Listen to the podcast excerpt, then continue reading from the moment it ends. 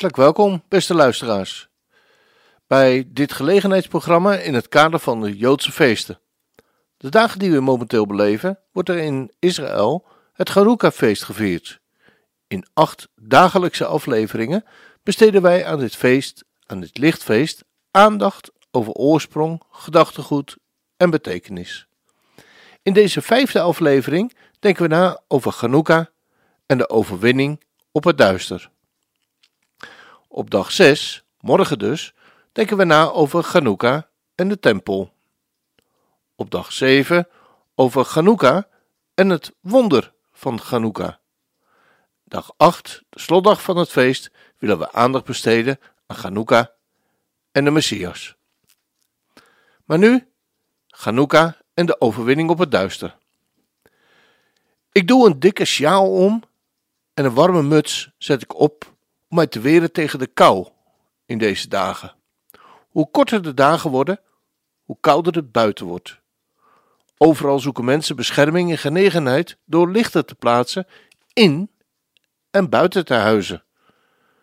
Maar desondanks de vele lichten kan je soms jezelf wel als een blinde in de duisternis voelen.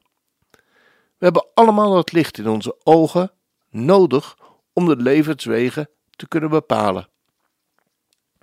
Een midrash, een Joodse wijsheid, vertelt dat er eens een blinde man was die geen familie of vrienden had die hem konden ondersteunen in het dagelijkse leven. De blinde man kon de obstakels van de weg niet overwinnen. Op een nacht zagen zijn buren plotseling een lichtje in de donkere straat oversteken. Ze sprongen uit hun stoel en kwamen naar de blinde man toe. Waarom bent u hier helemaal alleen in de nacht met enkel een brandende kaars in uw hand?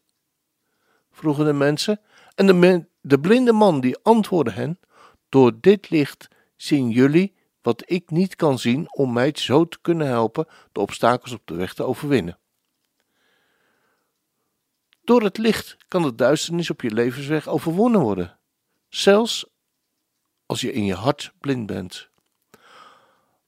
Antiochius, de vierde, was duisternis en in zijn duisternis richtte hij zich tegen God, de God van Israël, door het verbieden van Torah-onderwijs, de Joodse spijswetten, de Shabbat en de bestijdenis.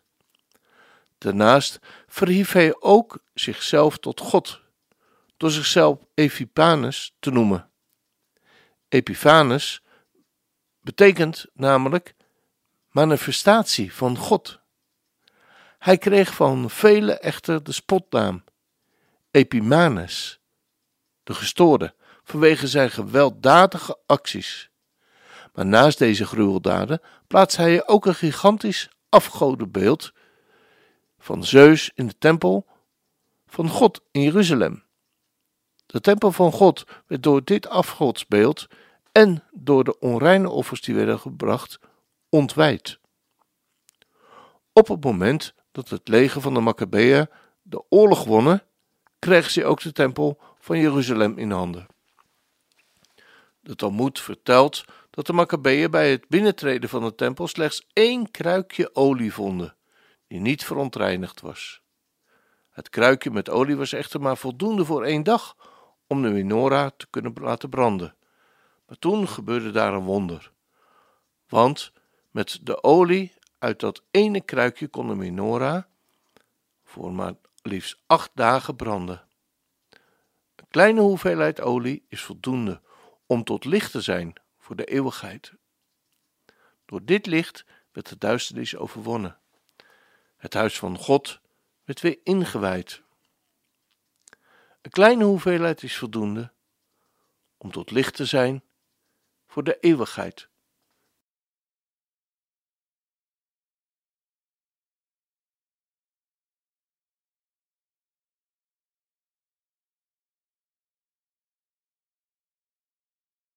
Totaal brandden er dus 70 lichten in het huis van God. Het getal 70 staat in het Hebreeuws voor de naties, waardoor Israël dus door de tijd, door het altijd te laten branden van de menorah, een licht was voor de volkeren. Zo profeteerde Jesaja in hoofdstuk 56 vers 7. dat het huis van God een huis van gebed zal genoemd worden voor alle volkeren. Daarnaast vertegenwoordigde de menorah ook de aanwezigheid van God en moest om die reden altijd branden. Het goddelijke licht is symbool voor de wijsheid van Gods woord. Want het gebod is een lamp, een menorah, en de onderwijzing, de Torah, een licht, staat geschreven in Spreuken 6, vers 23. En uw woord is een lamp voor mijn voet en een licht op mijn pad, zegt Psalm 119, vers 105. Door dit wonder plaatsvond, kwam er dus weer ruimte voor Gods Torah. En werd de tempeldienst weer ingewijd om hierin ook tot licht te zijn voor de volkeren. Gods licht en goedheid kon weer vanuit Jeruzalem gaan. En dit alles wordt gevierd op de 25e Kislev. En dat is ook geen toeval, want het 25e woord in de Torah is het woord oor. En dat is licht. Mogelijk verbaast het je als ik je zal vertellen dat er tijdens het feest van Chanukka geen menorah wordt aangestoken. Dit lijkt niet juist en in contrast te zijn aangezien de Maccabeërs olie vonden om de menorah te laten branden voor acht dagen en niet een andere kandelaar. En toch is er voor Chanukka een andere kandelaar met negen armen die centraal staat.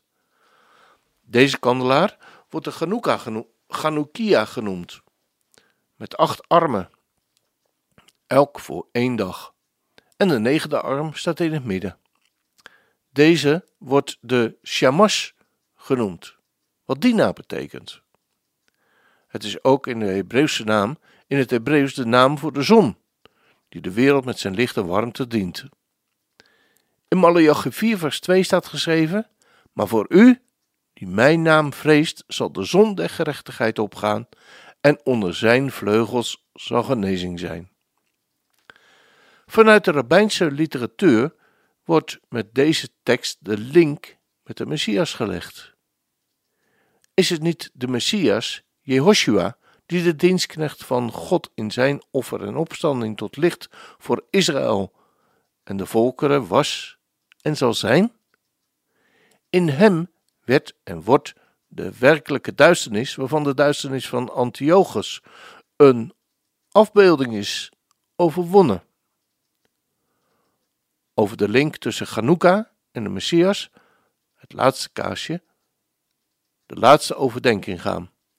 De kaarsen van Chanukka worden van rechts naar links aangestoken en dienen elke dag op te branden. Is het niet de Messias die als dienstknecht van God zijn offer en opstanding tot licht voor de volkeren was? Volgens de Joodse overlevering wordt een Chanukkiakaas gemaakt van drie onderdelen. Dat is de kli, een vat, shemen, olie, olijfolie van de hoogste kwaliteit, en petila, de pit van katoenen watten. De kli dus de, het, het vat is het symbool voor de wil om te ontvangen.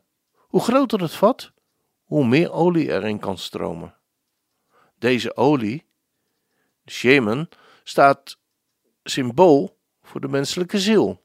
En de petila, de pit, die staat voor de menselijke intentie, voor gebed en het zoeken naar God. De petila, de lont, bepaalt hoeveel en hoe lang een kaars licht produceert.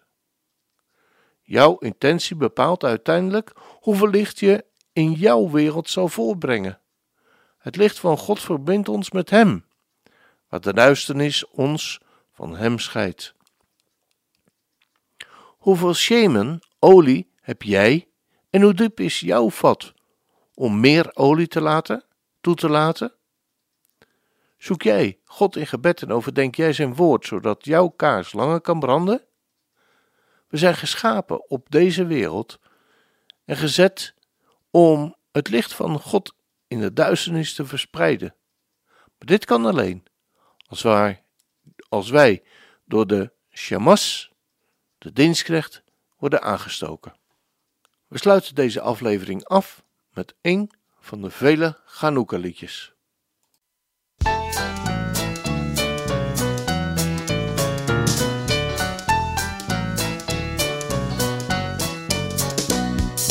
סביבון, סוף סוף סוף, חנוכה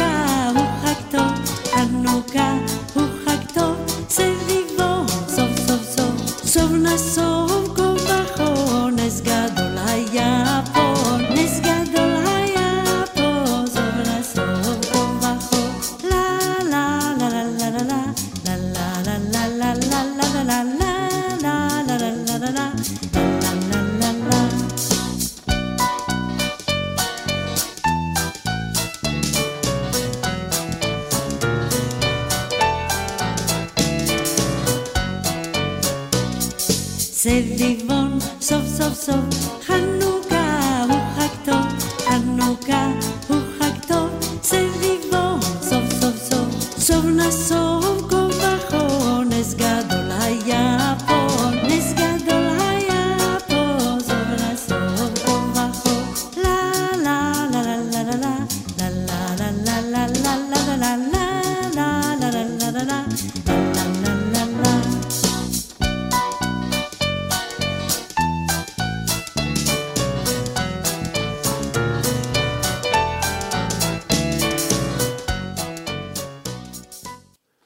We zijn met dit lied weer aan het einde van dit vijfde programma gekomen en willen je hartelijk bedanken voor het luisteren.